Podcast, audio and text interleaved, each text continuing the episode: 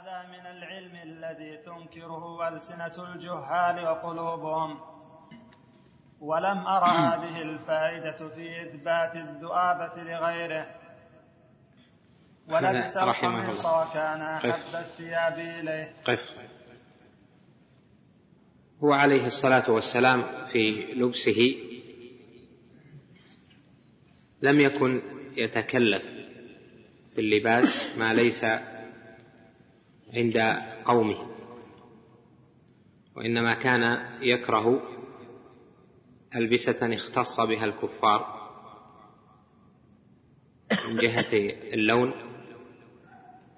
ومن جهة الشكل لكن عامة ألبسة العرب لبسها عليه الصلاة والسلام. فلبس الرداء والقميص كما سيأتي. الرداء والإزار ولبس القميص والسراويلات ولبس قميصا طويلا بلا سراويلات ولبس رداء ولبس عمامة ولبس قلنسوة إلى آخر ذلك. وذكر هنا بعض الألبسة التي كان يتعاطاها عليه الصلاة والسلام ويلبسها. ولهذا قال المحققون من أهل العلم إن اللباس ليست ليست السنة في أفراده ولكن السنة في معناه. فإن النبي عليه الصلاة والسلام ما تكلف غير لباس قومه. فلبس ما لبسه الناس لكن ترك ما يختص به المشركون أو ما يختص به أهل الكتاب. فلم يجعل لأهل الإسلام لباسا خاصا. وهذا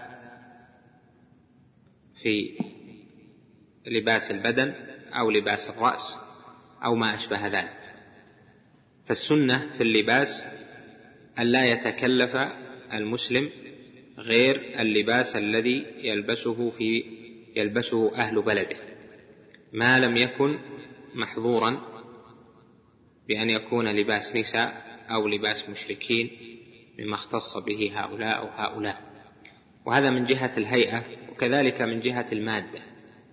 مادة اللباس يعني مثل ما يقال نوع القماش فإنه عليه الصلاة والسلام لبس قطنا ولبس صوفا وتنوع لباسه من جهة مادة القماش بحسب ما تيسر له وكذلك من جهة الألوان ولم يكره منها إلا الأحمر المصمت الخالص الذي لا خطوط فيه ولا يشوبه شيء فلبس الأبيض وكان أحب اللباس إليه الأبيض كما سيأتي ولبس الأسود عليه الصلاة والسلام. العمامة التي ذكر الكلام عليها وياتي تفصيل الكلام في هديه في الألبسة عليه الصلاة والسلام. العمامة لبس عمامة سوداء ولبسها فوق القلنسوة ولبس القلنسوة بدونها ولبسها أيضا بدون قلنسوة وكان يلبس العمامة تارة بذؤابه والذؤابه هي الطرف المسدل يعني يجعل طرف أكوار العمامة مرخا بين كتفيه. ولبس العمامة بدون ذؤابة ولبسها مرة محنكة ولبسها غير محنكة عليه الصلاة والسلام. فدل على أن السنة في هذا هو ما تيسر بلا تكلف وذكر عن شيخ الإسلام ابن تيمية سبب اتخاذ الذؤابة وهو أنه عليه الصلاة والسلام اتخذها صبيحة الرؤيا حيث رأى رب. ولهذا قال لك ابن القيم هنا وهذا من العلم الذي تنكره ألسنة الجهال وقلوبهم لأنه لا دليل عليه معروف. وماخذ شيخ الإسلام في هذا لا نعلمه لكن ينسب هذا إليه. يقول وقال شيخ الإسلام كذا. وهذا يدلك على أن بعض العلم إذا نقل عن العالم بلا دليل فإنه يعزى إليه ولا يشنع عليه به.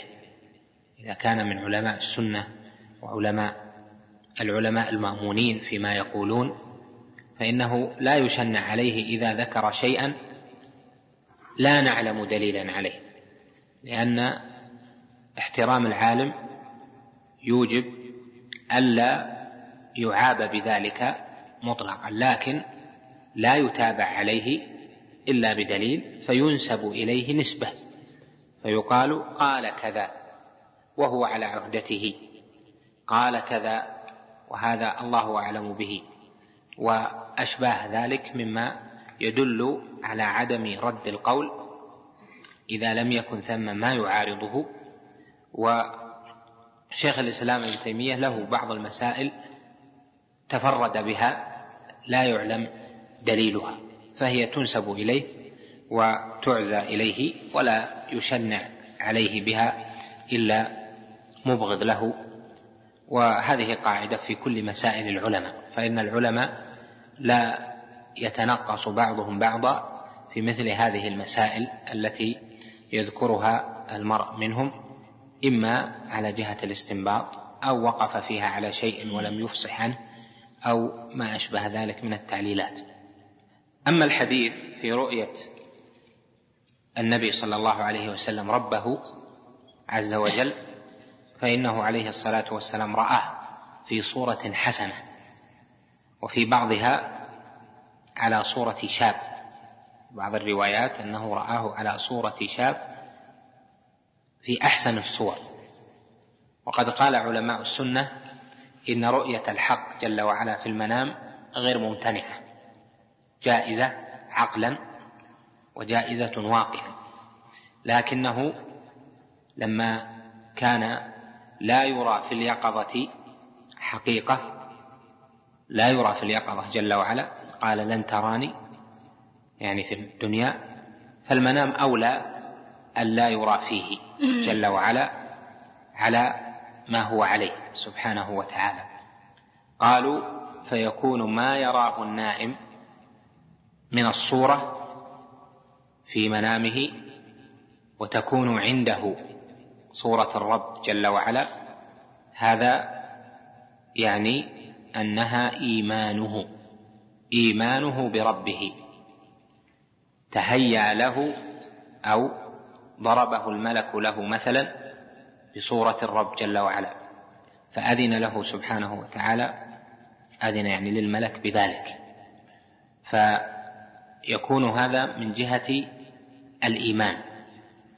وتصوير العمل بالإيمان هذا له نظائر في السنة كثيرة. وكمجيء العمل الصالح على هيئة رجل حسن الصورة ومجيء العمل السيء كهيئة رجل سيء الصورة. فيقال من أنت؟ قال أنا عملك السيء. وذاك يقول من أنت؟ قال أنا عملك الصالح. إلى آخره. ومجيء القرآن كهيئة غمامتين أو كهيئة فرقين من طير صواف يعني ثواب القراءة. وأشباه ذلك أو كالتلاوة. فالمقصود من هذا أن هذه الرؤية رؤيته عليه الصلاة والسلام ربه في أحسن صورة وعلى صورة شاب دالة على ما ذكره العلماء علماء السنة في هذه المسألة وهي أن إيمانه عليه الصلاة والسلام هو أحسن إيمان ولذلك رأى ربه في أحسن صورة. ورآه في هيئة شاب لأنه الاكتمال والقوة لأن إيمانه عليه الصلاة والسلام أقوى إيمان وأكمل وأحسن إيمان وأتم إيمان. ولهذا قال العلماء علماء السنة في هذه المسألة رؤية الله في المنام جائزة عقلا وواقعة.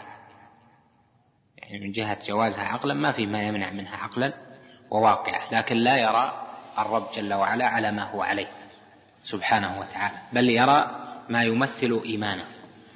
نعم. ولبس القميص وكان المسألة هذه تحتاج أيضا إلى بسط لكن موضعها العقيدة لعل يأتي لها مناسبة. نعم. هذا على إطلاق يا شيخ الكائنات. يعني العلم الكلي طيب قول المعلق يا شيخ. قال ولا يصح إطلاق القول بأنه علم جميع الكائنات. لأن العلم كلي أو العلم كلي فعلمت ما بين السماء والأرض يعني الكلي أما الجزئيات مختصة بالله نعم؟ القلنسوة اللباس اللي غطاء الرأس مشبوك فيه. يعني سواء كان نصف أو كان ثوب كامل. تعرف المغاربة؟ هو زي لباسهم هذا اللي يجي على الرأس. تكون منفصلة يا شيخ؟ نعم؟ تكون منفصلة لا. القلنسوة متصلة. متصلة بالقميص. نعم.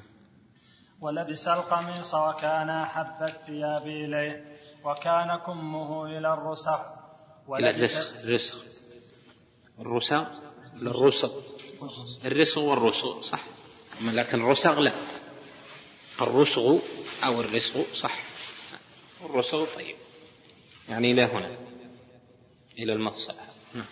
وكان كمه إلى الرسغ ولبس الجبة والفروج وهو فروج فروج أي. عندك كيف؟ لا بس فتحة اي فروج الفروج ولبس الجبة وال... كم الجيب؟ لا جيب شيء ولا- ها؟ كيف تراجم المحدثين دخل صحيفة الحكم في كم يعني هذا كم إنهم كانوا يوسعونه الكم أقول تغير مع مع الزمن صار واسع. ويحفظ فيه كذا يعني يضع الكم يطلع كبير ما تسن في وسط الشيء. قال فأخرج من كمه أربعة كتب من الخطيب البغدادي. فقال هذه دواوين الإسلام البخاري ومسلم وأبو داود والنسائي. نعم. م? طابعتين إيه فيه إسبال. إذا كان فوق الحاجة إيه فيه إسبال. الإسبال فيها فيها كلها. يعني بحسب الحاجة. لكن ليس الإسبال إذا زاد عن الرسل. فإذا طالها عن حاجته عن حاجته ففيها إسبال. ولبس الجبة والفروج وهو شبه القبا والفرجية ولبس القبا أيضا ولبس في السفر جبة ضيقة الكمين. ولبس الإزار والرداء. قال الواقدي كان رداؤه وبرده طول ستة أذرع في ثلاثة وشبر. وإزاره من نسج عمان. طول أربعة أذرع وشبر في عرض ذراعين وشبر. ولبس حلة حمراء. والحلة إزار ورداء. ولا تكون الحلة إلا اسما للثوبين معا.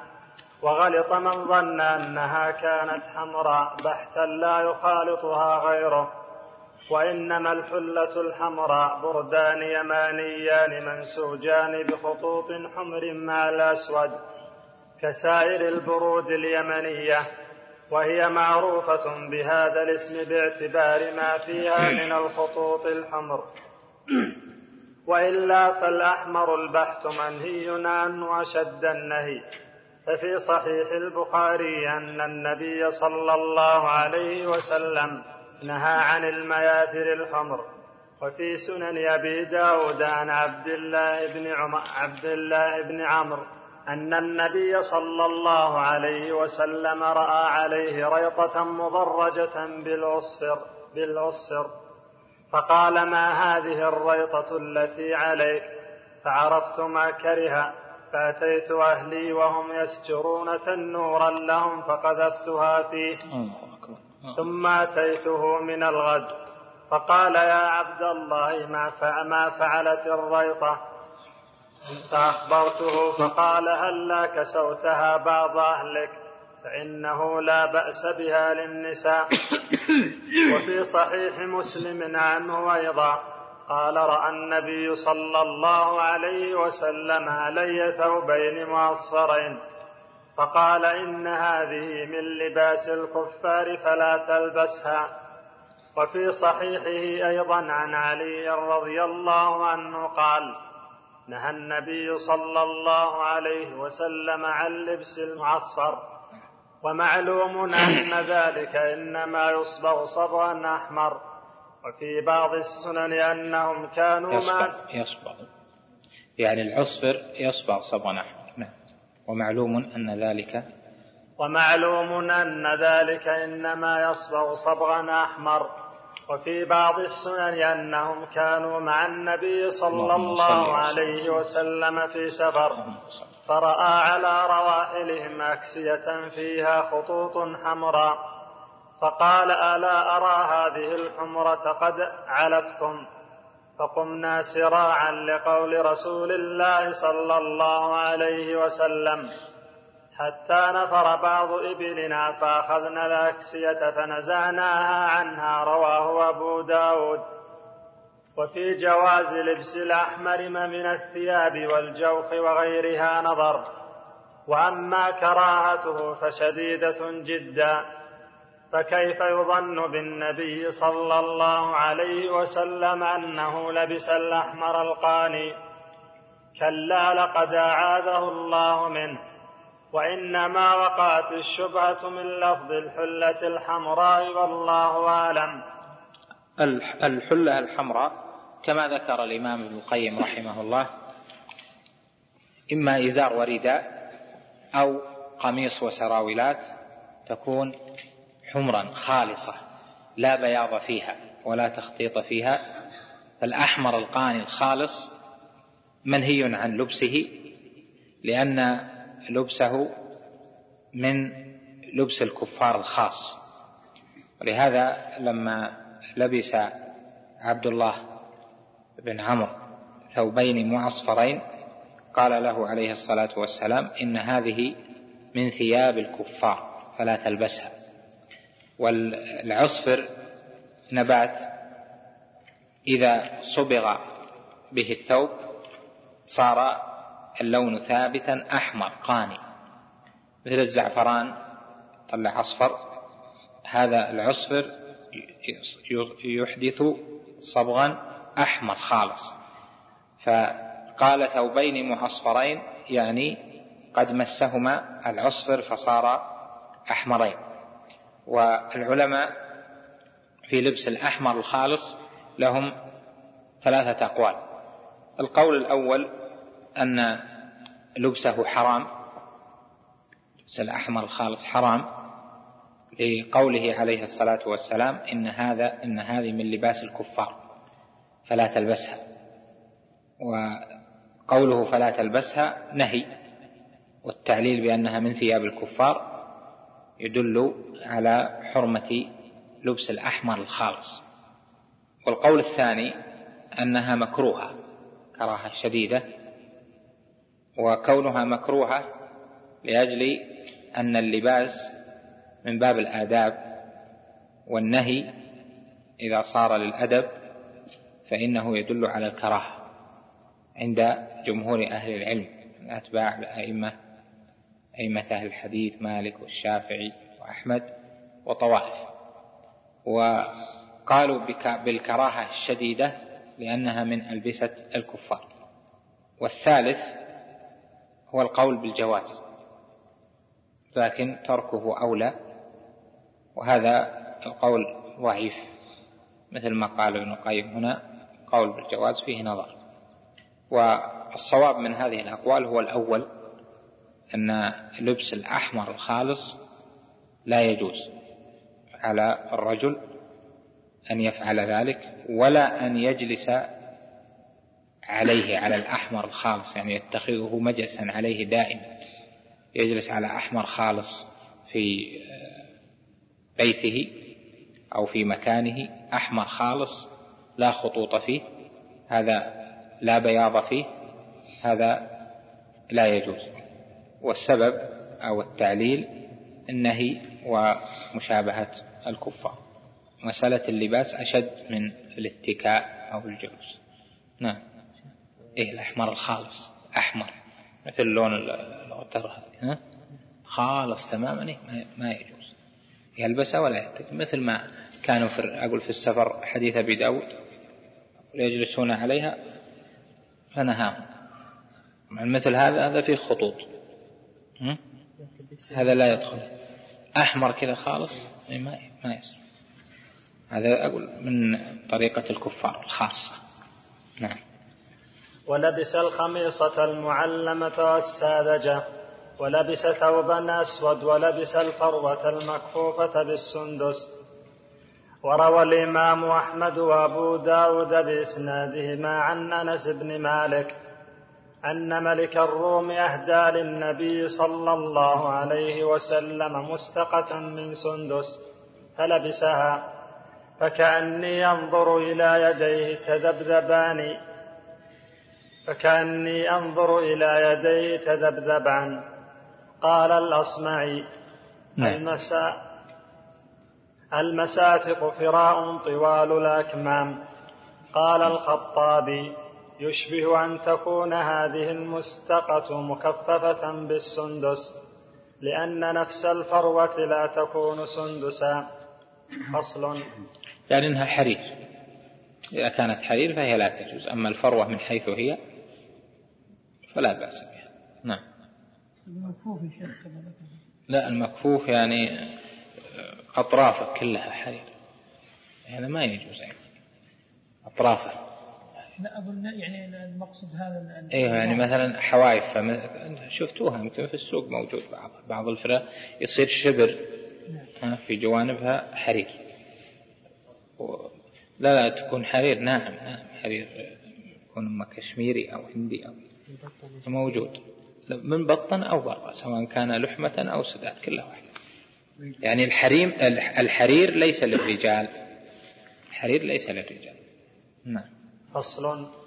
واشترى سراويل والظاهر أنه إنما اشتراها ليلبسها. وقد روي في غير حديث أنه لبس السراويل. وكانوا يلبسون السراويلات بإذنه. السراويل مفرد. السراويل مفرد. صيغته صيغة الجمع. السراويل واحد. وليس مفردها سروال. وليس مفردها سروالا. السراويل مفرد جمعها سراويلات. مثل ما ذكر لك هنا. نعم.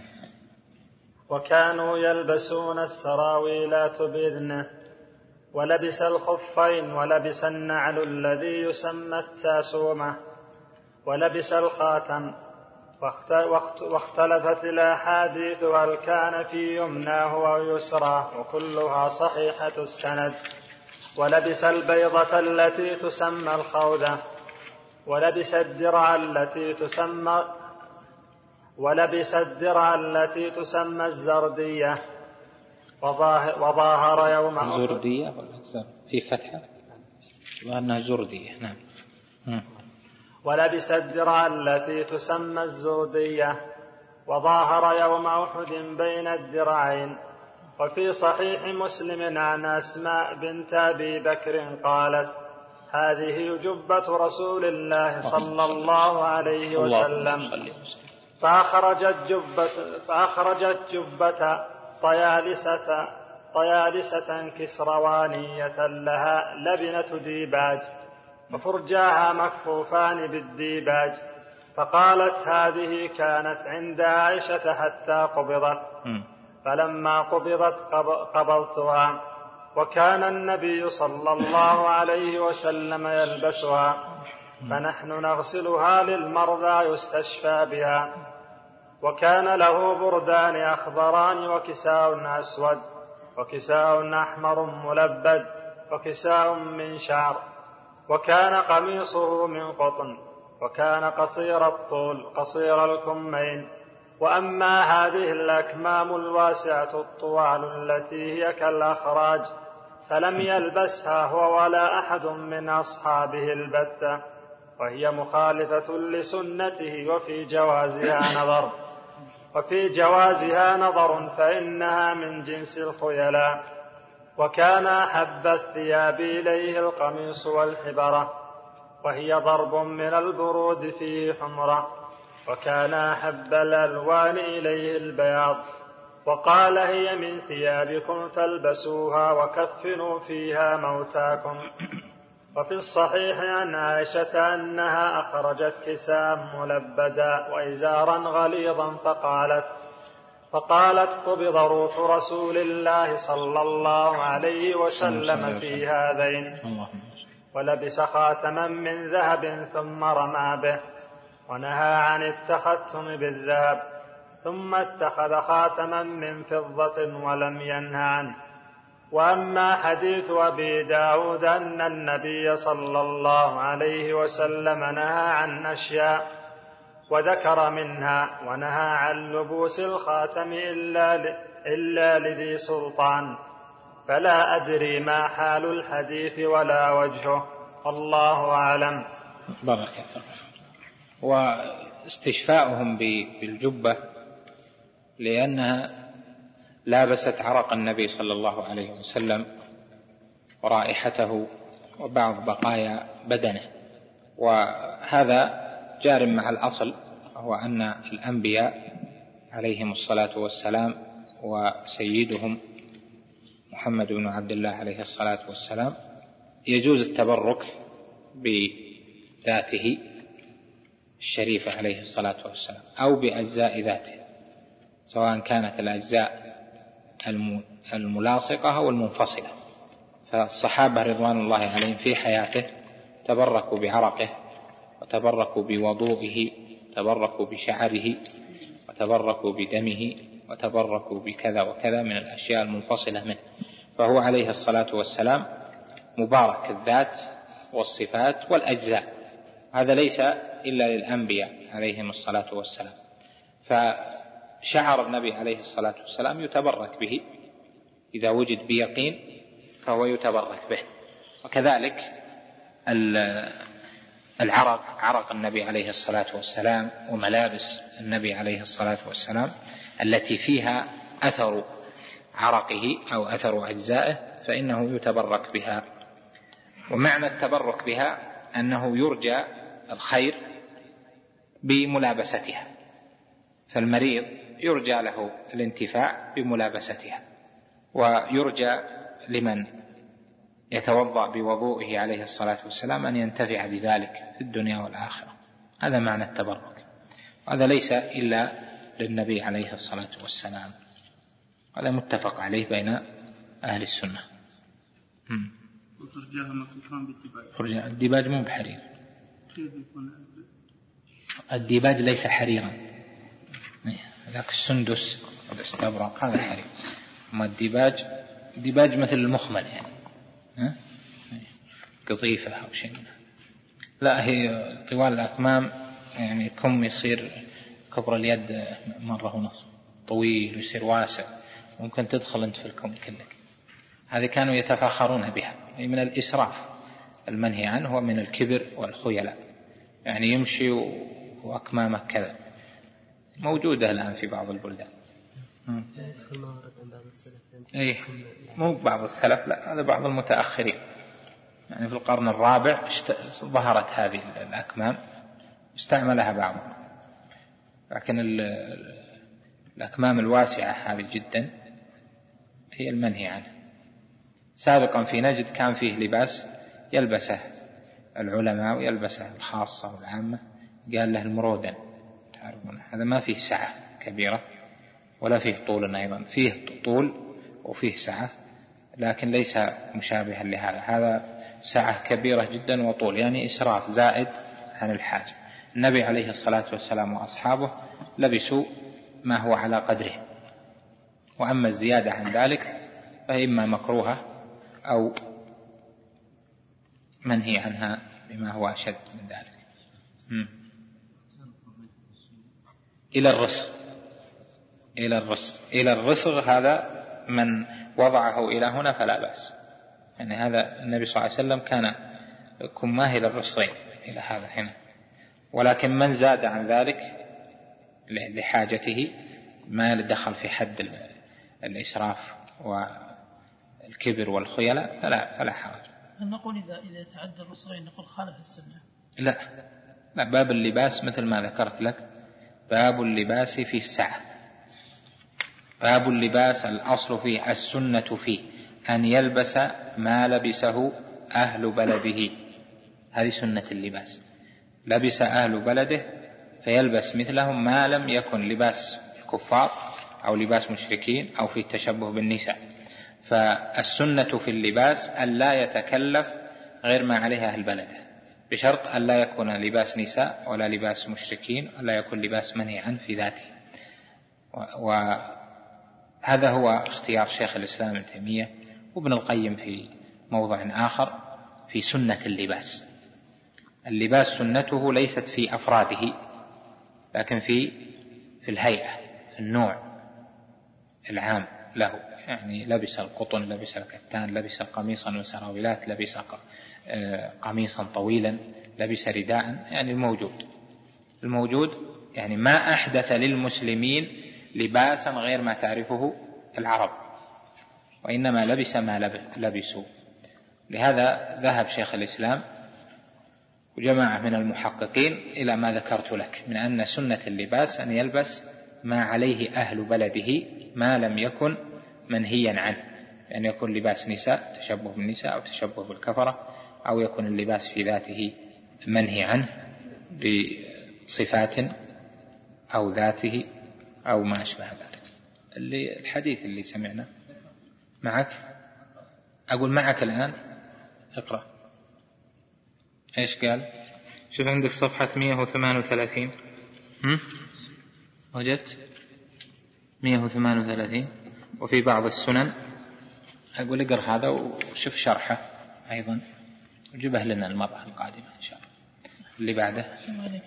وكان يجعل فص خاتمه مما يلي باطن كفه وذكر الترمذي أنه كان إذا دخل الخلاء نزع خاتمه وصححه وأنكره أبو داود. وأما الطيلسان.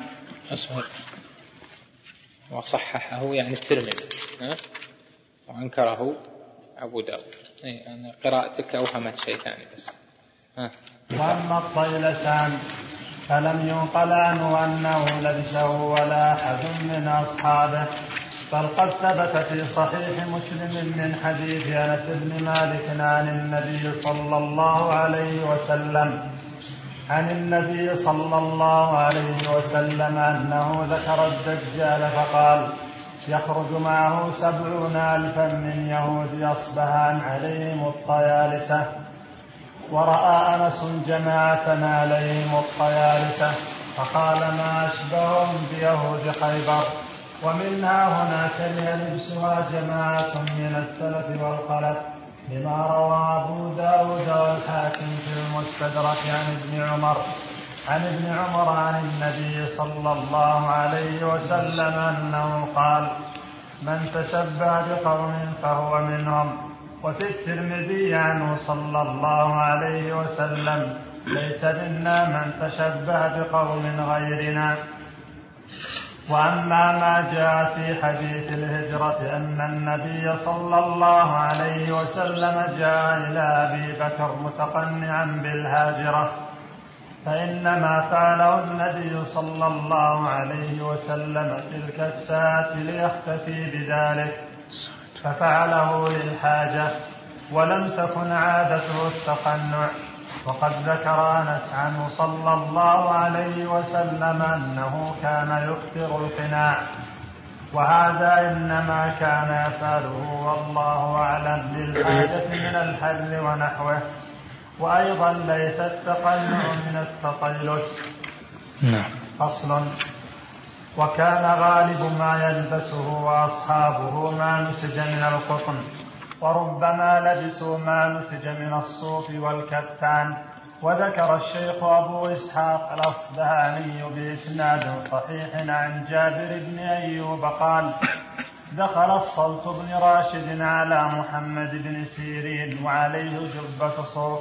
وإزار صوف وعمامة صوف فاشمأز منه محمد وقال أظن أن أقواما يلبسون الصوف ويقولون قد لبسه عيسى ابن مريم وقد حدثني من لا أتهم أن النبي صلى الله عليه وسلم قد لبس الكتان والصوف والقطن وسنة نبينا حق أن تتبع ومقصود ابن سيرين بهذا أن أقواما يرون أن لبس الصوف دائما أفضل من غيره فيتحرونه ويمنعون أنفسهم من غيره وكذلك يتحرون زيا واحدا من الملابس ويتحرون رسوما وأوضاعا وهيئات يرون الخروج عنها منكرا.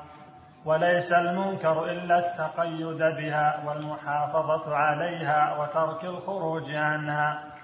والصواب أن أفضل الطرق طريق رسول الله صلى الله عليه وسلم التي سنها وأمر بها ورغب فيها ورغب فيها وداوم عليها. وهي أن هديه في اللباس أن يلبس ما ما تيسر من اللباس. من الصوف تارة والقطن تارة والكتان تارة. ولبس البرود اليمنية والبرد الأخضر ولبس الجبة والقباء والقميص والسراويل والإزار والرداء والخف والنعل وأرخى الذؤابة من خلفه تارة وتركها تارة. وكان يتلحى بالعمامة تحت الحنك وكان إذا استجد ثوبا سماه باسمه. وقال اللهم أنت كسوتني هذا القميص أو الرداء أو العمامة أسألك خيره وخير ما صنع له. وأعوذ بك من شره وشر ما صنع له. وكان إذا لبس قميصه بدا بميامنه. ولبس الشعر الأسود.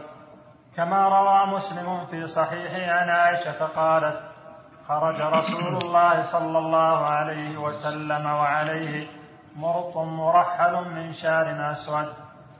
وفي الصحيحين عن قتادة قلنا لأنس أي اللباس كان أحب إلى رسول الله صلى الله عليه وسلم؟ قال الحبرة. والحبرة برد من برود اليمن. فإن غالب لباسهم كان من نسج اليمن لأنها قريبة منهم.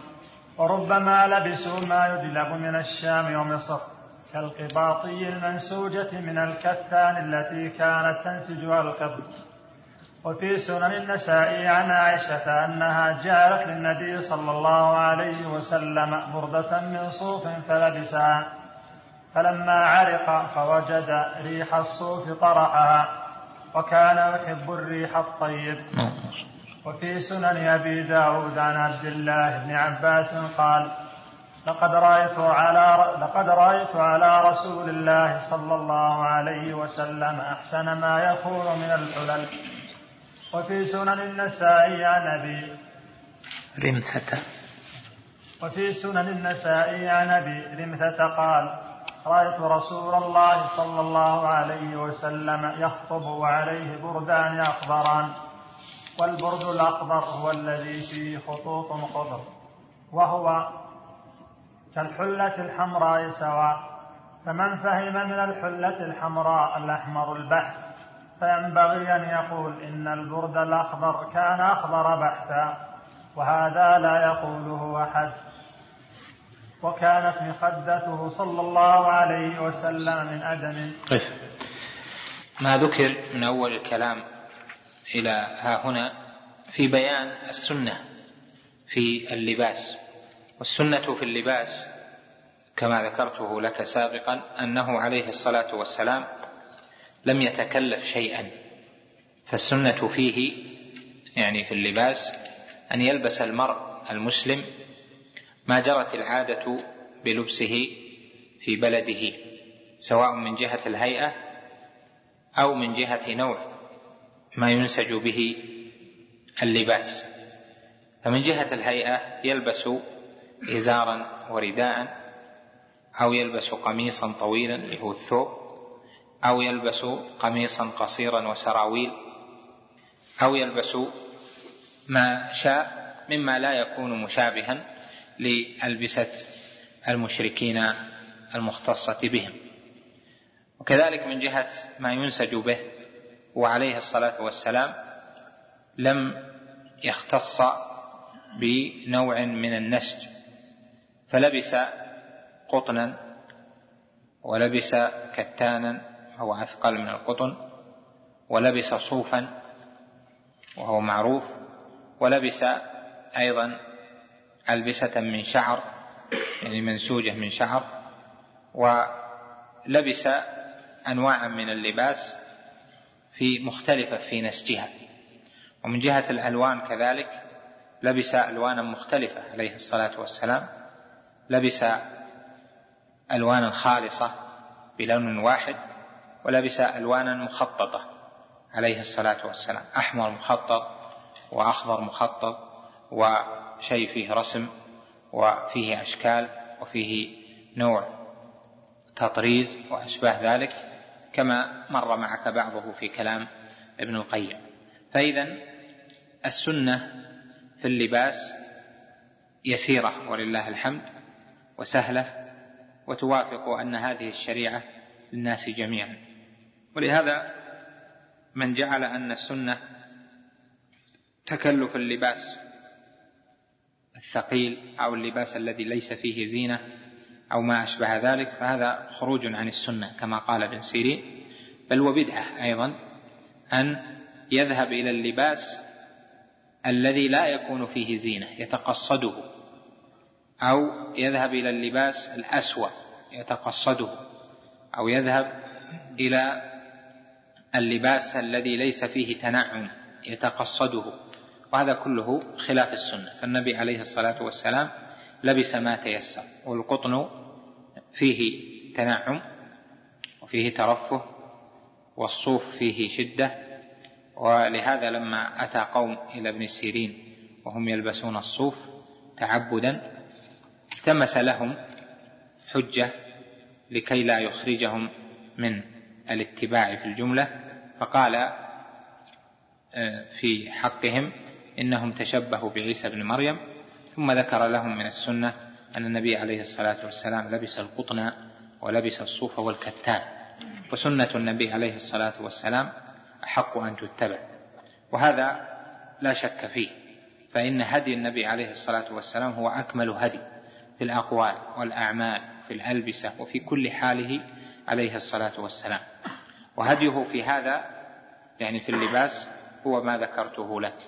فالمؤمن لا يتكلف لباسا وإنما ما تيسر لبسه مما يلبسه الناس في زمانه مما لا يكون من لباس المشركين ولا لباس النساء ولا لباس أهل الفسق والفجور وإنما ما يلبسه عقلاء الناس وأهل الخير فيهم ولا تكلف في هذا. لا من جهة الهيئات ولا من جهة الألوان ولا من جهة النوع يلبس ما شاء والأمر فيه سعة إلا ما ذكرناه لك فيما سبق من النهي عن الأحمر المصمت الخالص.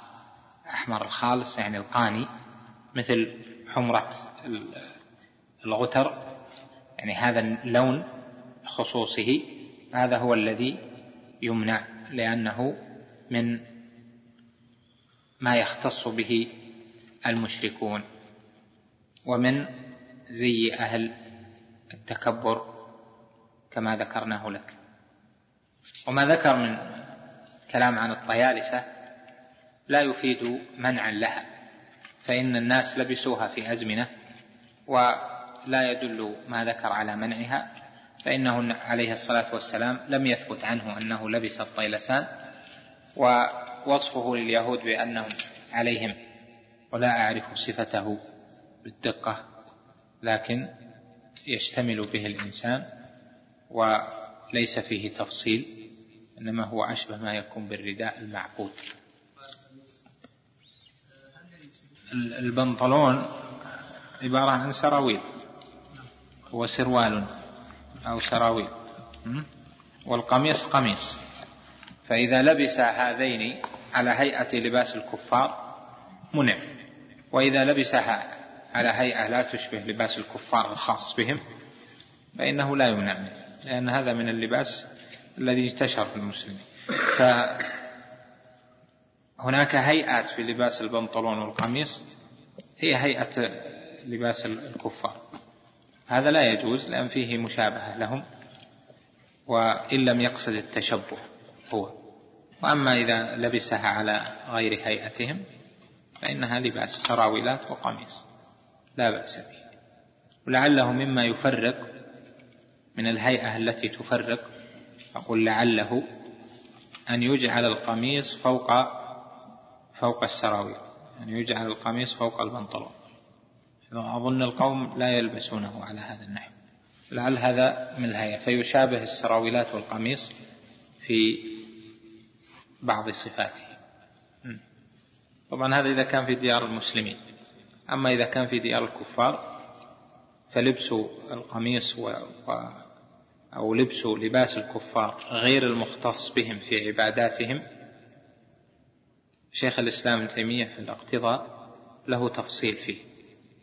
يقول والألبسة يعني ما حاصله أن اللباس لباس الكفار الذي ليس من ألبسة العبادة أو مما يختصون به عبادة فإن لبسه في ديارهم لأجل مصلحة شرعية أو لأجل الأمن على نفسه أو ما شاكل ذلك فإنه لا بأس به. وكأن ما أخذ شيخ الإسلام من ذلك أن تحريم من جهة تحريم الوسائل والقاعدة الشرعية أن ما حرم تحريم وسائل أبيح لمصلحة راجحة. كما أبيحت العرايا وكما أبيح النظر إلى المخطوبة والطبيب إلى العورة وأشباه ذلك. وكأنما أخذه ذلك. الحمد لله وحده والصلاة والسلام على من لا نبي بعده أما بعد.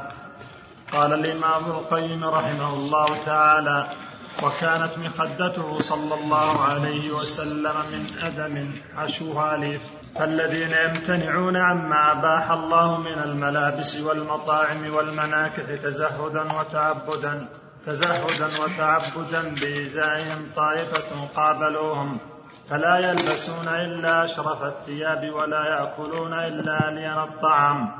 فلا يرون لبس الخشن ولا أكله تكبرا وتجبرا. وكلا الطائفتين هديه مخالف لهدي النبي صلى الله عليه وسلم. ولهذا قال بعض السلف كانوا يكرهون الشهرتين من الثياب العالي والمنخفض. وفي السنن عن ابن عمر يرفعه إلى النبي صلى الله عليه وسلم من لبس ثوب شهرة ألبسه الله يوم القيامة ثوب مذلة ثم تلهب فيه النار. ثم تلهب فيه النار. وهذا لأنه قصد به الاغتيال والفخر. فعاقبه الله بنقيض ذلك فأذله. كما عاقب من أطال ثيابه خيلاء بأن خسف به الأرض. فهو يتجلجل فيها إلى يوم القيامة. وفي الصحيحين عن ابن عمر قال قال رسول الله صلى الله عليه وسلم من جر ثوبه خيلاء لم ينظر الله إليه يوم القيامة. وفي السنن عنه أيضا صلى الله عليه وسلم قال الإسبال في الإزار والقميص والعمامة. من جر شيئا منها خيلا لم ينظر الله إليه يوم القيامة. وفي السنن عن ابن عمر أيضا قال ما قال رسول الله صلى الله عليه وسلم في الإزار فهو القميص فهو في القميص.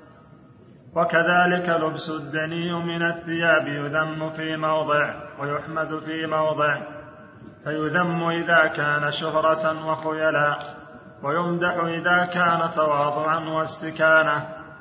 كما أن لبس الرفيع من الثياب يذم إذا كان تكبرا وفخرا وفخرا وخيلا.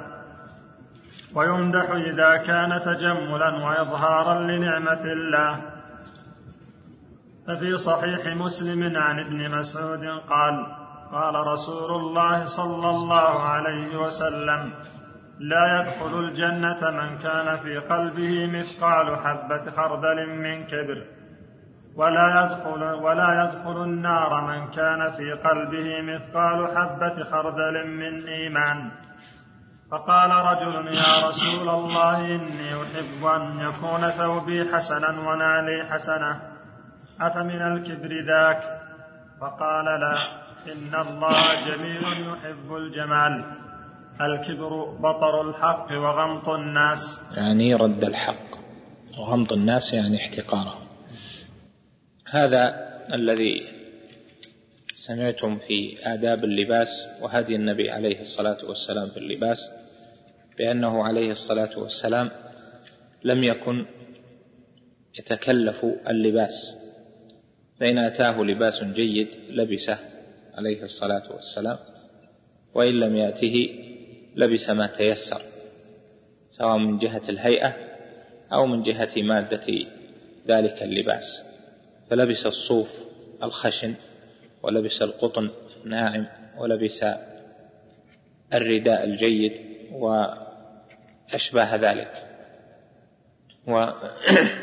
ومنع في اللباس من الشهرة.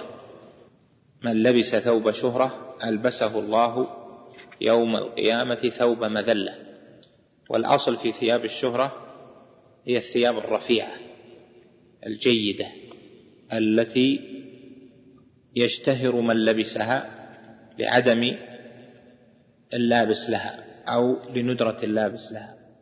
فمن لبس ثوبا ليشتهر به وليتميز به بين الناس من جهة نفاسته جدا وكونه لا يلبس مثله في فئته قومه أو من جهة صنعته أو أشباه ذلك فهذا لبس ليشتهر.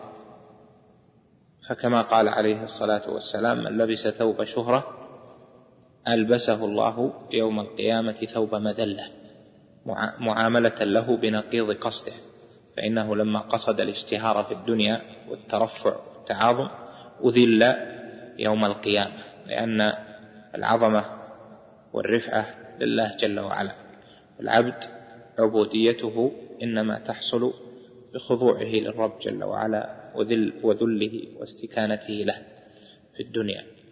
وألحق أهل العلم بثوب الشهرة الثوب الوضيع. إذا لبس ثوبا يشار إليه ويشتهر به مما لم تجر عادة قومه بلبسه لأجل وضاعته ودناءته أو لأجل هيئته فإن هذا أيضا أدخلوه في ثوب الشهرة لحصول المعنى وهو الاشتهار. فالمعنى الذي في الأول وهو رغبة اللابس في الاشتهار حاصل في الثاني وهو رغبة اللابس في الاشتهار. فمن لبس ثوبا وضيعا جدا لأجل أن يعتقد الناس فيه أنه زاهد أو لأجل أن يشيروا إليه بالزهد والترفع عن الدنيا فهذا قصد سيء لأن الذي ينبغي للعبد أن يسلك مسلك المصطفى صلى الله عليه وسلم وهو عليه الصلاة والسلام لم يكن يتكلف في مسائل اللباس. إن وجد جيدا لبس وإن لم يجد جيدا لبس غير جيد بحسب المتيسر. وأما مسائل الإسبال التي ذكرها في الحديث الإسبال في الإزار والقميص والعمامة فالقميص هو الثوب المعروف ويعني هو الثوب الذي نلبسه وأصل الثوب قطعة القماش. الثوب هو كل ما يلبس يقال له ثوب سواء كان قميصا أو كان عمامة أو كان إزارا كل ما يلبس يقال له ثوب سواء للرجل أو للمرأة لأنه يثوب إلى صاحبه يعني يرجع إلى صاحبه باللبس أو لأن صاحبه يثوب إليه يعني يرجع إليه باللبس. والقميص على هذه الهيئة اللي نلبس عليها الثوب الآن يعني مشابهة لها وقد يكون قصيرا إلى الركبة أو أعلى منها فيكون معه سراويلات وقد يكون طويلا بلا سراويلات. وفي الكل لا يجوز أن يتجاوز الكعبين. فكل لباس تحت الكعبين ففي النار كما ثبت ذلك في الصحيح عنه عليه الصلاة والسلام. ما تحت الكعبين في النار. وكذلك الإزار إذا صار تحت الكعبين فهو منهي عنه وفي النار. وأما الإسبال الذي في العمامة فإن العلماء اختلفوا فيه على قولين. منهم من قال إن الإسبال الذي في العمامة بأن تكون زائدة طويلة على المقدار الذي تجري به عادة الناس. فإذا جرت عادة الناس في العمامة بشيء فزاد عنها كثيرا فذاك إسبال كمن تجري عادتهم بأن تكون أكوار العمامة قدرها كذا تدويرات العمامة فيزيد عليها جدا لتعظم العمامة فهذا إسبال زيادة. أو إذا أرخى ذؤابتها كانت العادة جارية بأن تكون إلى نصف الظهر أو أعلى منه كإمامة المصطفى صلى الله عليه وسلم أو إلى نصف الظهر ثم زاد على ذلك بكثير فإنه يعد ذلك إسبالا لأن الإسبال هو الزيادة على المتعارف عليه. والقول الثاني أن المراد بالإسبال هنا كالإسبال في القميص والإزار بأن يتجاوز الكعبين. فالعمامة التي شاعت في بعض الأعصر المتأخرة عن عصر التابعين بأن تكون العمامة بأن بأن يكون ذيل العمامة طويلا بحيث يجر يلفه صاحبه على رقبته أو يرخيه فيجر خلفه هذا هو معنى الإسبال والثاني هذا ظاهر من جهة معنى الإسبال لمشابهته لإسبال القميص والإزار. نعم. فصل. وكذلك كان هديه صلى الله عليه وسلم وسيرته في الطعام. لا يرد موجودا ولا يتكلف مفقودا. فما قرب إليه شيء من الطيبات إلا أكله إلا أن تعافه نفسه. تعافه. إلا أن تعافه نفسه. فيتركه من غير تحريم وما عاب طعاما قط. إن اشتهاه أكله وإلا تركه كما ترك أكل الضب لما لم ي... لما لم يعتده ولم يحرمه على الأمة بل أكل على مائدته وهو ينظر. وأكل الحلوى والعسل وكان يحبهما. وأكل لحم الجزور والضان والدجاج ولحم الحبارى ولحم حمار الوحش والأرنب وطعام البحر وأكل الشوى. وأكل الرطب والتمر وشرب اللبن خالصا ومشوبا. والسويق والعسل بالماء. وشرب نقيع التمر وأكل الخزيرة. وأكل الخزيرة وهي حساء حساء يتخذ حساء الحبارة صيد. صيد مشهور عندنا أيضا. حبارة صيد طيب لحمها ليس أبيض لحمه يميل إلى السواد. وهو من أطيب ما يصاد عندنا يعني في الجزيرة. لكنها ربما أكلت بعض الخشاش كذا فاجتمع في بطنها. مقصود أنها لحم يصاد طير هي تصاد ولحمها طيب نعم. إيش فيه؟ ما يلزم لا. مخطط نوع منه فيما ذكروا لأن الأدباء أدباء العرب والشعراء وصفوا حمار الوحش في أشعارهم وما ذكروا تخطيط فيه. ورأيتنا صورا لهذا وهذا وفي بعض أنواعه غير مخططة فالحمار الوحش المقصود به الحمار الذي يكون في الصحراء غير متأهل. يعني الحمر الأهلية معروفة والحمار الوحش الذي يكون في الصحراء. أما اللي يسمونه الآن حمار وحش المخطط هذا هذا قد يكون من أنواع. نعم. نعم. باقية على أصلها. لها حكم أصل الأصل أنها أهلية. قد يرجع إليها. قد يرجع إليها. أما الحمر الوحش ليست كالحمر الأهلية في استخدامها لل يعني في أخلاقها وفي استخدامها لل...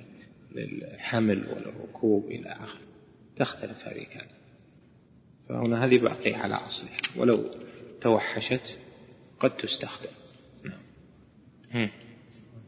وأكل الخزيرة وهي حساء يتخذ من اللبن والدقيق. وأكل القتاء بالرطب وأكل اللقط. وأكل التمر بال...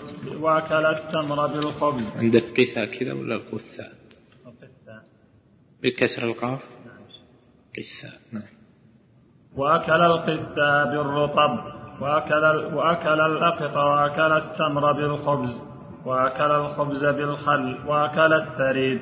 وهو الخبز باللحم وأكل الخبز بالإهالة وهي الودك وهو الشحم المذاب وأكل من الكبد المشوية وأكل القديد وأكل الدبة المطبوخة وكان يحبها وأكل المسلوقة وأكل الثريد بالسمن وأكل الجبن وأكل الخبز بالزيت اللهم صل وسلم. وأكل البطيخ بالرطب وأكل التمر بالزبد وكان يحبه ولم يكن يرد طيبا ولا يتكلفه بل كان هديه أكل ما تيسر فإن أعوزه صبر حتى إنه ليربط على بطنه الحجر من الجوع. اللهم صل ويرى الهلال والهلال والهلال ولا يوقد في بيته نار. وكان معظم مطعمه يوضع على الأرض في السفرة. يعني قصده أنه ربما أكل صلى الله عليه وسلم على خوان ربما أكل على شيء مرتفع معظم أمره عليه الصلاة والسلام على الأرض لكن ربما أكل. قول عائشة رضي الله عنها فيما رواه البخاري وغيره ما أكل رسول الله صلى الله عليه وسلم على خوان هذا محمول على الغالب أو على ما اطلعت عليه. رضي الله عنه. وهي كانت مائدة وكان يأكل بأصابعه الثلاث ويلعقها إذا فرغ.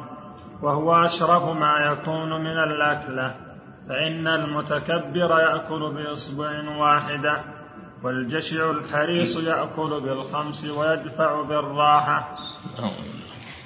وكان لا يأكل متكئا والاتكاء على ثلاثة أنواع. أحدها الاتكاء على الجنب. وجاء عنه عليه الصلاة والسلام أنه أكل بخمس كما رواه الزهري مرسلا أكل بخمس لكن إسناده ضعيف. والعلماء منهم ما قال إن الأكل بالخمس لا بأس به إذا كان الطعام لا يؤكل إلا بالخمس. أما إذا كان يمكن أكله بالثلاث فعدل إلى الخمس فهذا عدول عن الهدي النبوي في ذلك على صاحبه الصلاة والسلام. المقصود من هذا أن طريقة الأكل في المؤمن معتدلة كما كان عليه الصلاة والسلام يأكل. فلا يأكل أكل الشرهين ولا يأكل أكل المتكبرين.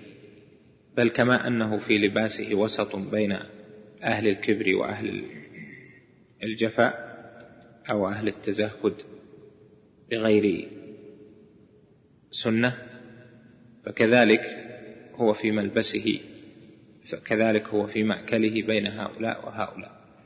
فلا يأكل أكل الشره ولا يمتنع عن الطيبات. مثل ما ذكروا أن فلانا كان يأكل في اليوم والليلة فجلة أو سمكة يقطعها في اليوم في يومه وليلته أو يذكرون كذا وكذا من أنواع الزهادات التي لم يكن عليها نبينا صلى الله عليه وسلم. فابن القيم فيما يذكر من أنواع أكله أنواع الطيبات التي أكلها عليه الصلاة والسلام يريد أن يبين أن هديه عليه الصلاة والسلام أكمل هدي فلم يكن يتكلف مفقودا ولا يحرم طيبا موجودا. بل يأكل من الطيبات إن اشتهاها ولا يتكلفها ولا يغضب إذا لم تأته أو لم يصنع له طيبا عليه الصلاة والسلام. بل كان أسهل الناس في ذلك لعلمه بربه جل وعلا وبنعمه. اللهم اللهم صل على محمد. نعم.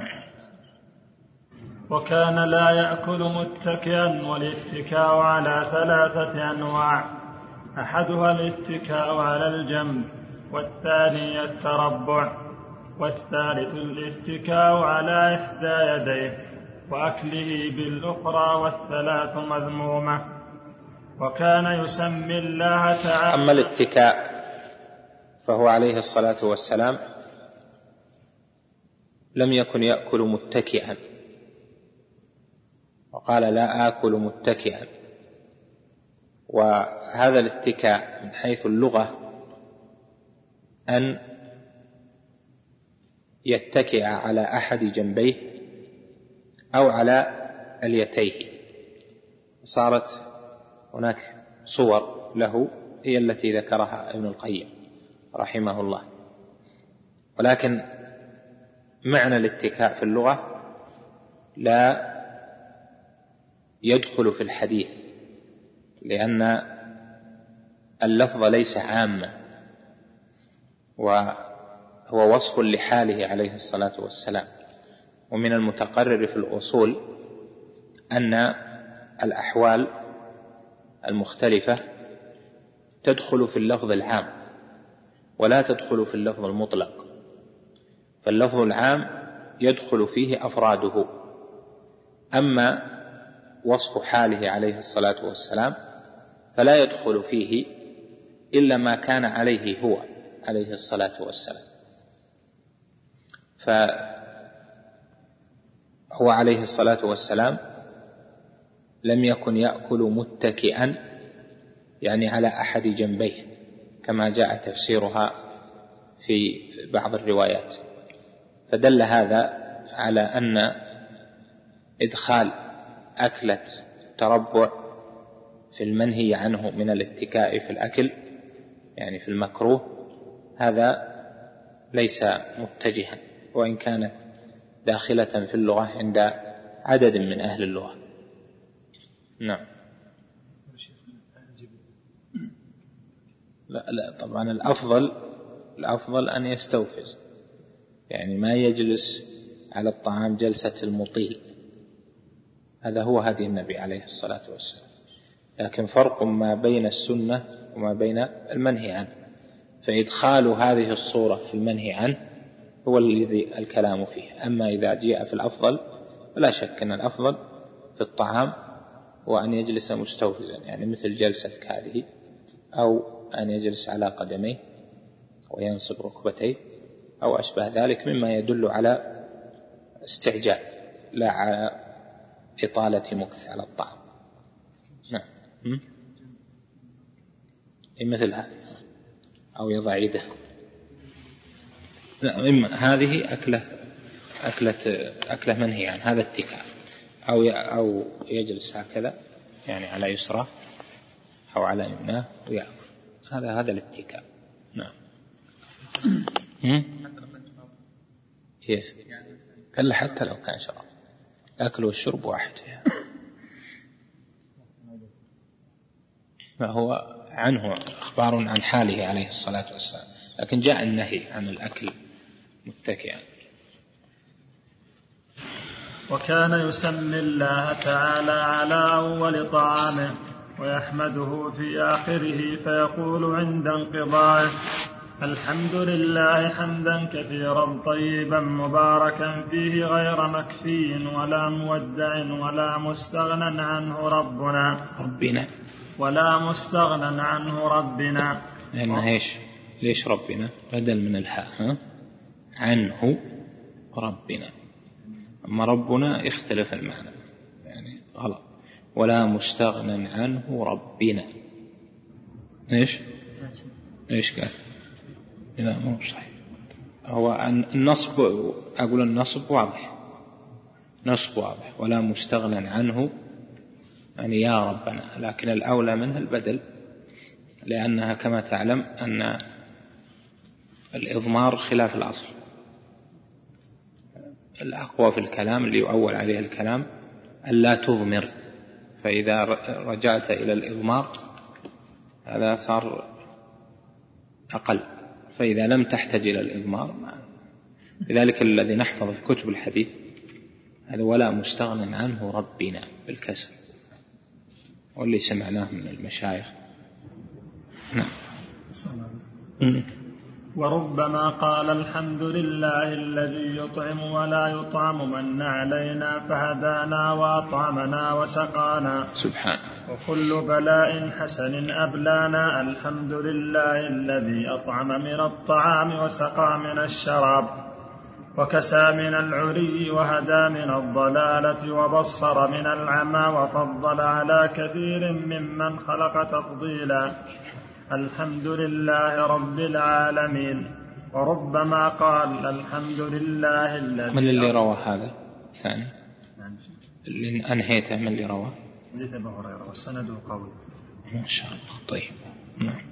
وربما قال الحمد لله الذي أطعم وسقى وسوغه وكان إذا فرغ من طعامه لعق أصابعه ولم يكن لهم مناديل يمسحون بها أيديهم ولم يكن عادتهم غسل أيديهم كلما أكلوا وكان أكثر شربه قاعدا بل زجر عن الشرب قائما. وشرب مرة قائما فقيل هذا نسخ لنهيه. وقيل بل وقيل بل فعله لبنا وقيل بل فعله لبيان جواز الأمرين. والذي يظهر فيه والله أعلم أنها واقعة عين شرب فيها قائما لعذر. وسياق القصة يدل عليه. فإنه أتى زمزم وهم يستقون منها فأخذ الدلو وشرب قائما. والصحيح في هذه المسألة والصحيح في هذه المسألة النهي عن الشرب قائما. وجوازه لعذر يمنع من القعود. وبهذا تجمع أحاديث الباب والله أعلم. هذا الذي ذكره ابن القيم. هو أحد الأقوال في المسألة. القول الثاني الكراهة.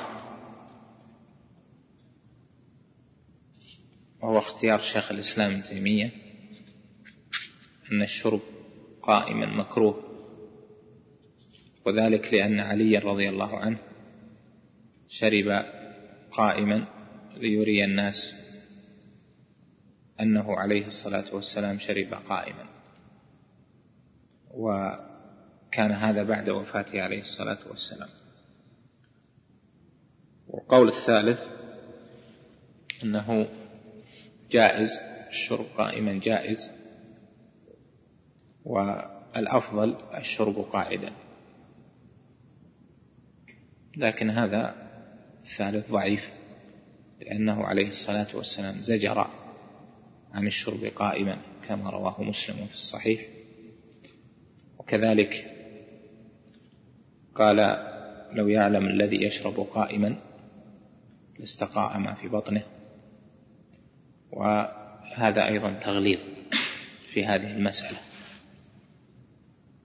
فقول ابن القيم وجيه والثاني هو الذي عليه الجمهور جمهور أهل العلم والمحققون. وأما الثالث فهو ضعيف.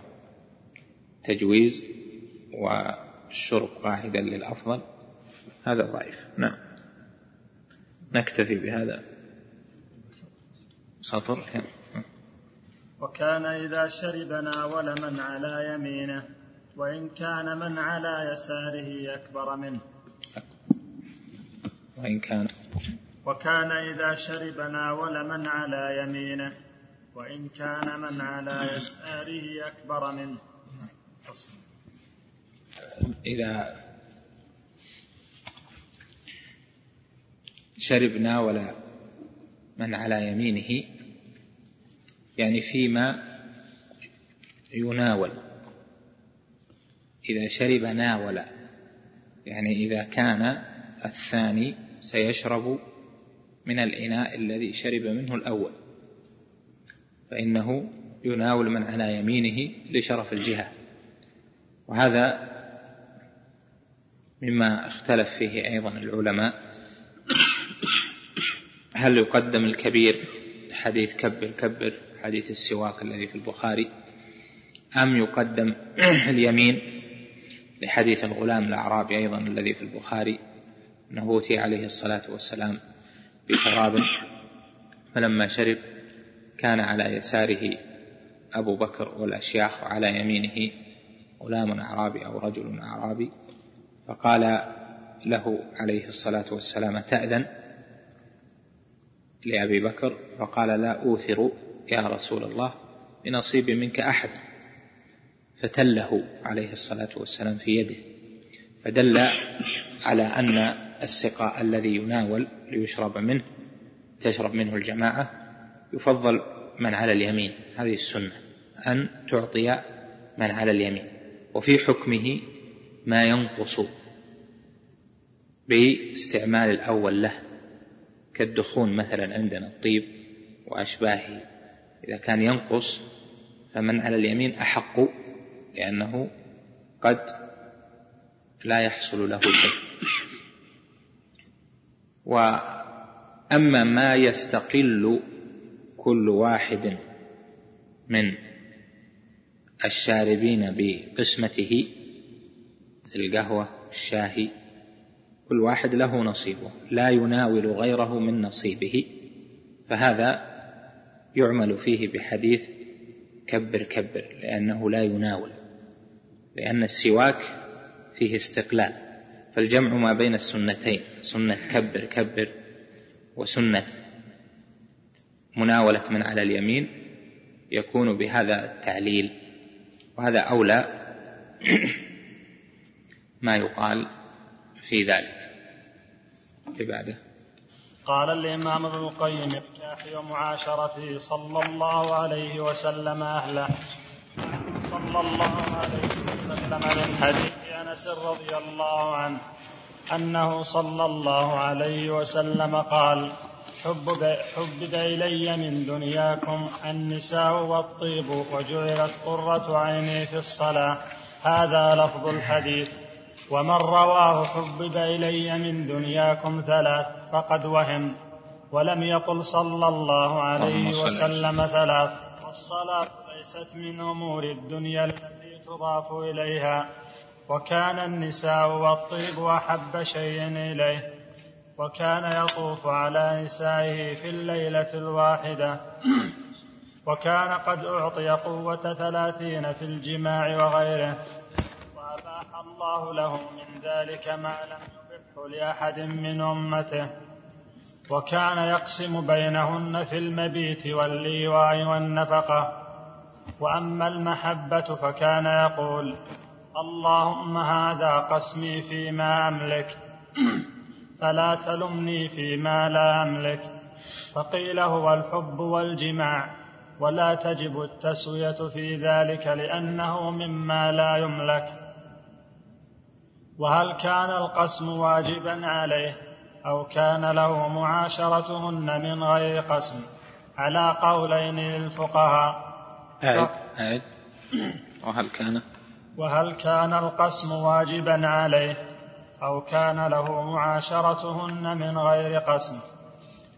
على قولين للفقهاء فهو أكثر الأمة فهو أكثر الأمة نساء. عليه الصلاة قال ابن عباس تزوجوا فإن خير هذه الأمة أكثرها نساء. وطلق صلى الله عليه وسلم وراجع وآلى إيلاء مؤقتا بشهر ولم يظاهر أبدا. وأخطأ من قال إنه ظاهر خطأ عظيما. وإنما ذكرته هنا تنبيها على قبح خطئه ونسبته إلى ما براه الله منه.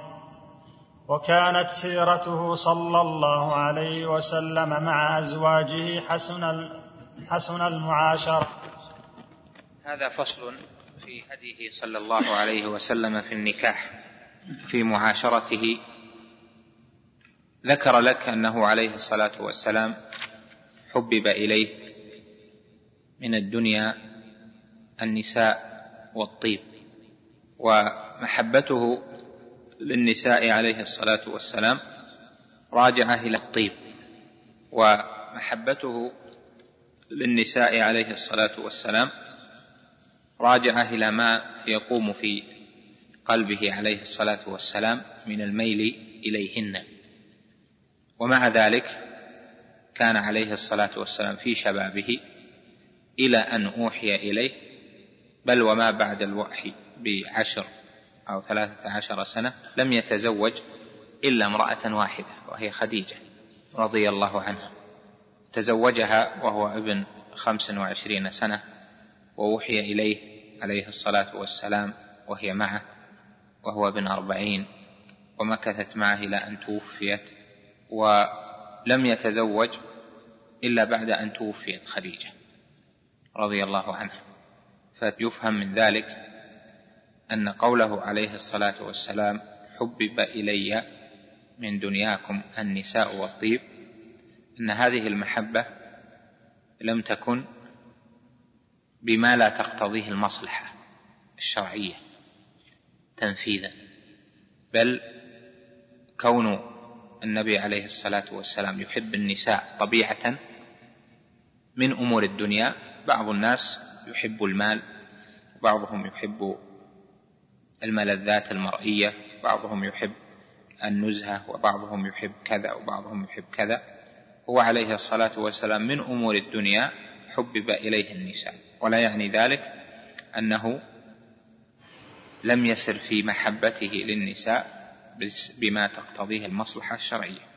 ولذلك تزوج نساءه جميعا حاشا عائشة ولسن بأبكار وكانت البكر الوحيدة عائشة رضي الله عنها وعن أبيها وعن سائر أزواج النبي صلى الله عليه وسلم. هذه مسألة.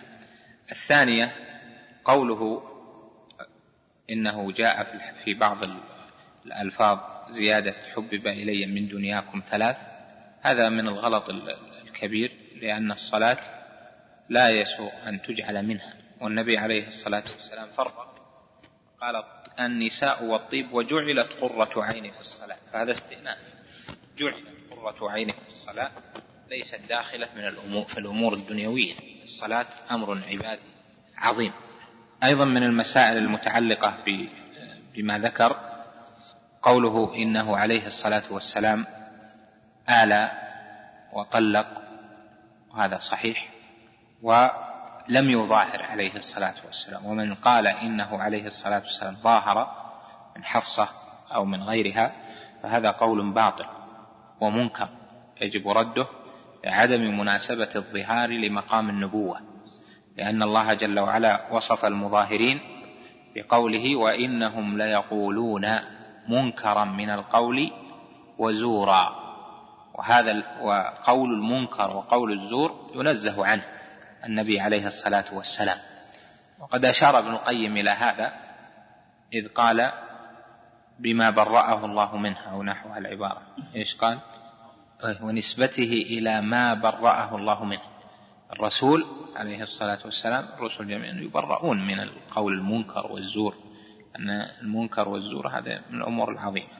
وكانت سيرته مع أما بالنسبة للقولين اللذين ذكرهما في مسألة القسم فالصواب أن القسم عليه عليه الصلاة والسلام مثل القسم على أمته كان واجبا. كان عليه الصلاة والسلام يقسم بين نسائه وكان يقول أين أنا غدا؟ أين أنا غدا في آخر أيامه عليه الصلاة والسلام؟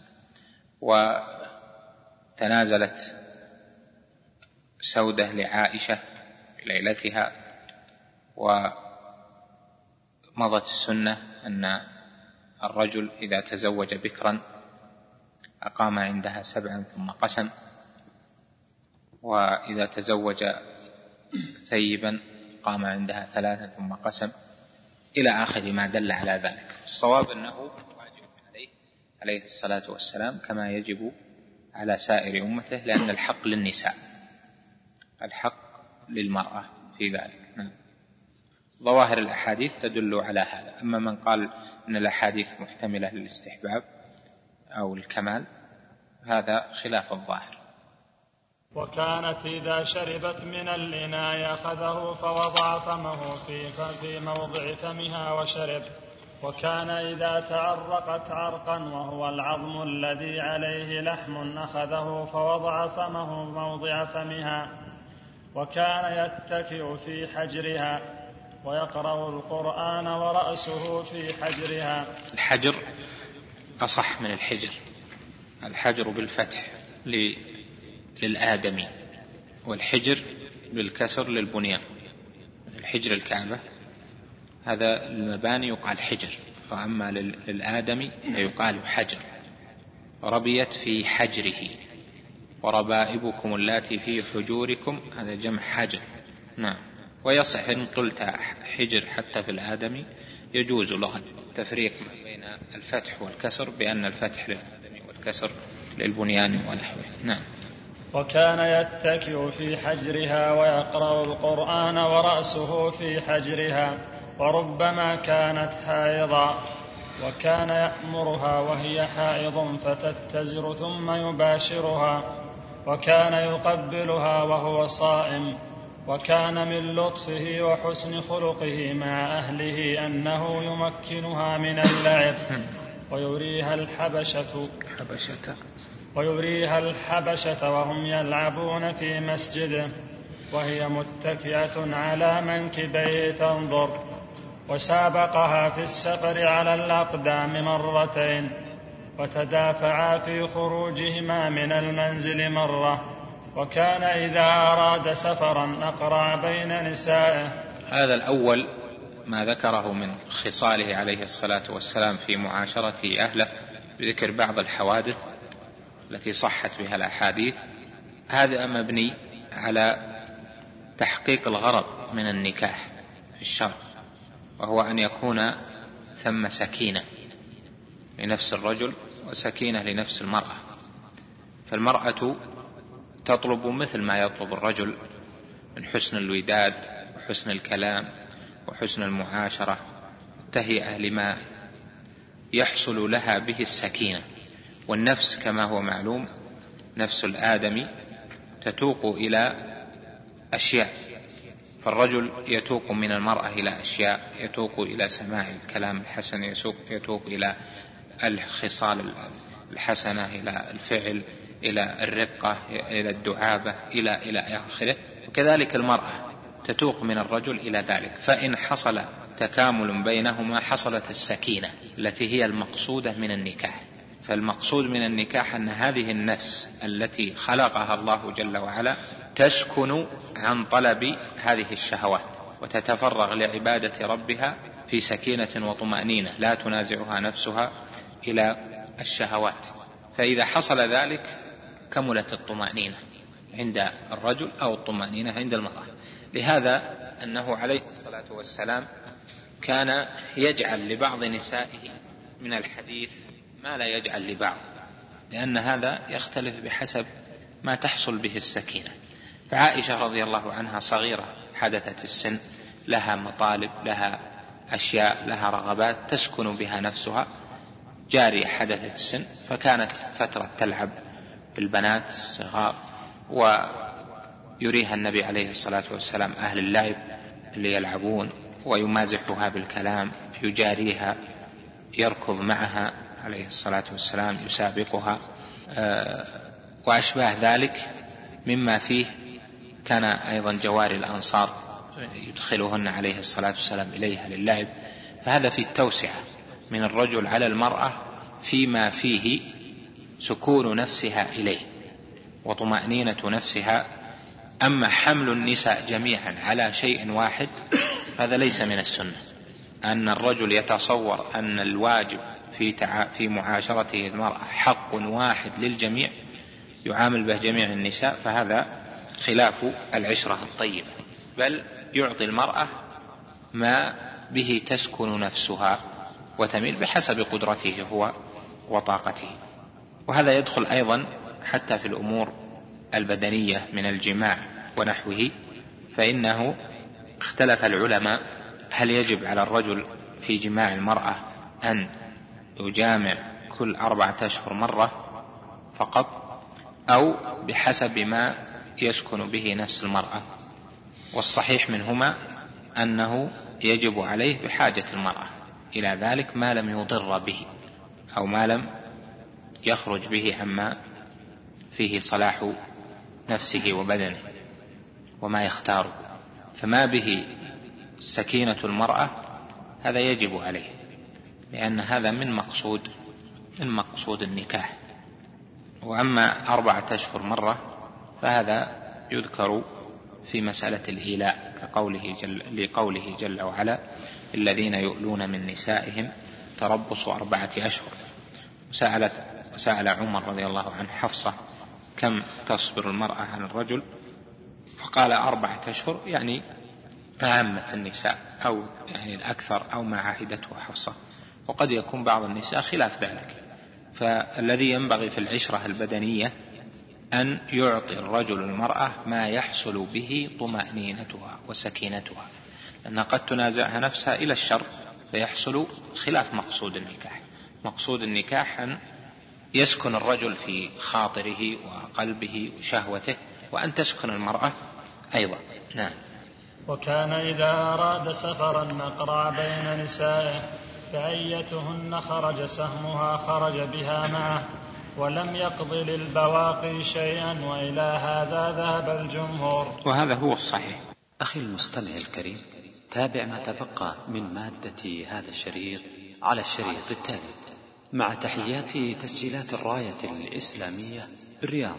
هاتف رقم أربعة تسعة واحد واحد تسعة ثمانية خمسة. والسلام عليكم ورحمة الله وبركاته.